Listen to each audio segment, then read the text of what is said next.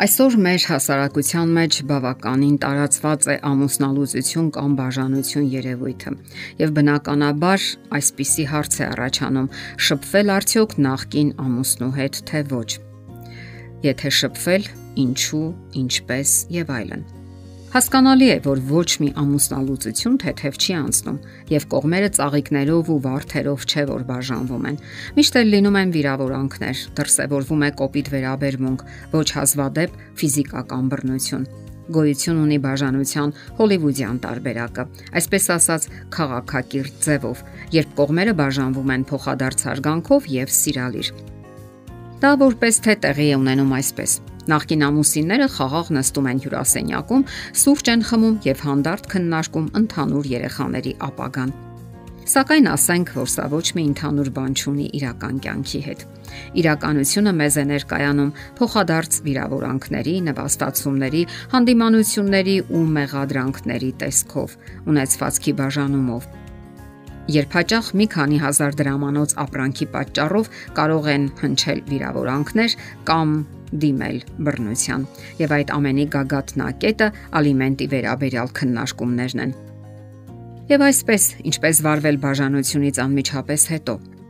Պետք է արդյոք շարունակել շփումը։ Որոշ հոգեբաններ այն կարծիքին են, որ կարելի է այսպես ասած մարդկային շփում պահպանել, որովհետև կարող է նախկին ամուսինը դեռևս պետք գալ ձեզ Սակայն մարդկանց զգալի մասը միանգամայն այլ կարծիքի է։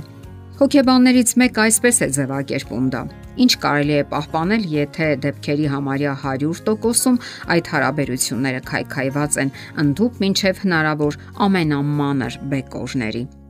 Ինչը պահպանել, եթե 1 քառակուսի մետր բնակարանային տարածքի մի քանի կոպեկի համար նվաստացնում են միմյանց։ Իսկ փաստաբաններին ներառելը հաճախ ընկերներին եւ ազդեցիկ մարդկանց գործին խառնելը։ Հայկական իրականությունն այնպիսին է, որ նախկին ամուսինները ոչ հազվադեպ շարունակում են վերահսկել կանանց եւ նույնիսկ սպառնալ։ Երբեմն վախեցնում են, որ կզրկեն ալիմենտից սեփական երեխային։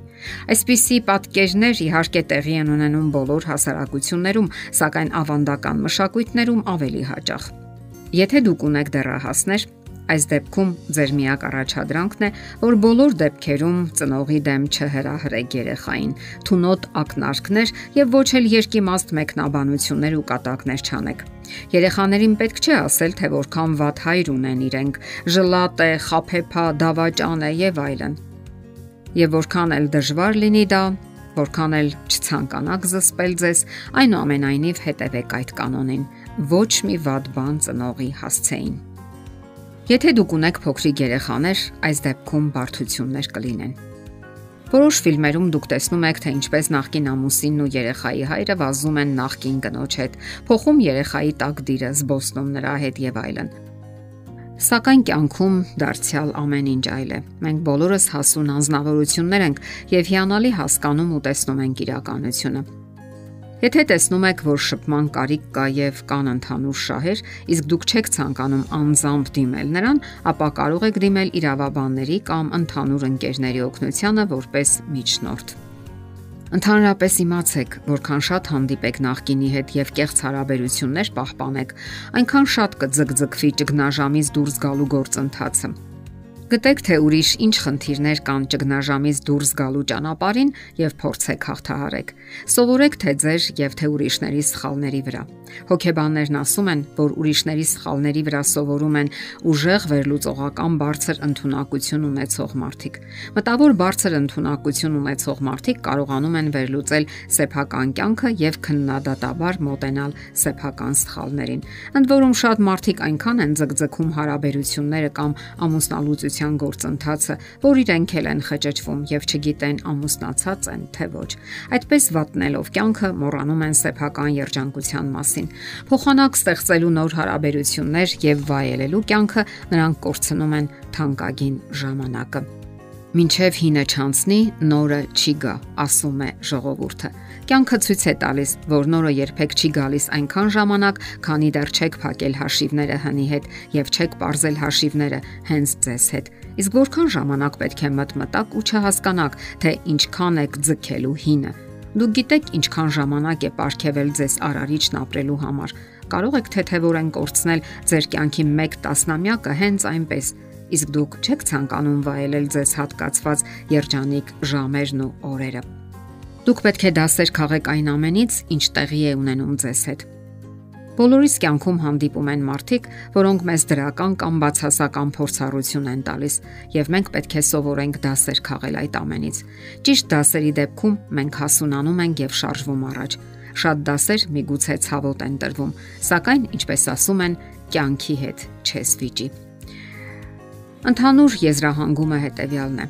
մի շարունակեք հարաբերությունները, սակայն առանց վատաբանելու եւ բամբասելու նախկին ամուսնուց։ Հակառակ դեպքում նա էլ կսկսի մտածել վրեժխնդրության մասին եւ չի հոգա նույնիսկ ընդհանուր երեխաների մասին։ Եվ դուք այդպես կմնաք հարաբերությունների մեջ, շարունակելով ապրել միասին, թեկուզ ավելի լարված եւ գրգռված վիճակում։ Ազնվորեն պետք է հասկանաք, թե ով է այդ ամենի մեղավորը, սակայն չշարունակեք այդ պատմությունը։ Շարունակել նշանակում է մազոխիզմ։ Դա նույնն է, ինչ անընդհատ բարոյական բռնության ենթարկեք ձեզ։ Մոռացեք ձևականություններն ու կարծրատիպերը, թե ինչ կասեն ձեր մասին կողմնակի մարդիկ։ Ձեզ պետք է ոչ թե ապրել անցյալի հետ, այլ հասկանալ, թե ինչպես ապրել ինքներդ ձեզ հետ, եւ դա ավելի կարեւոր է։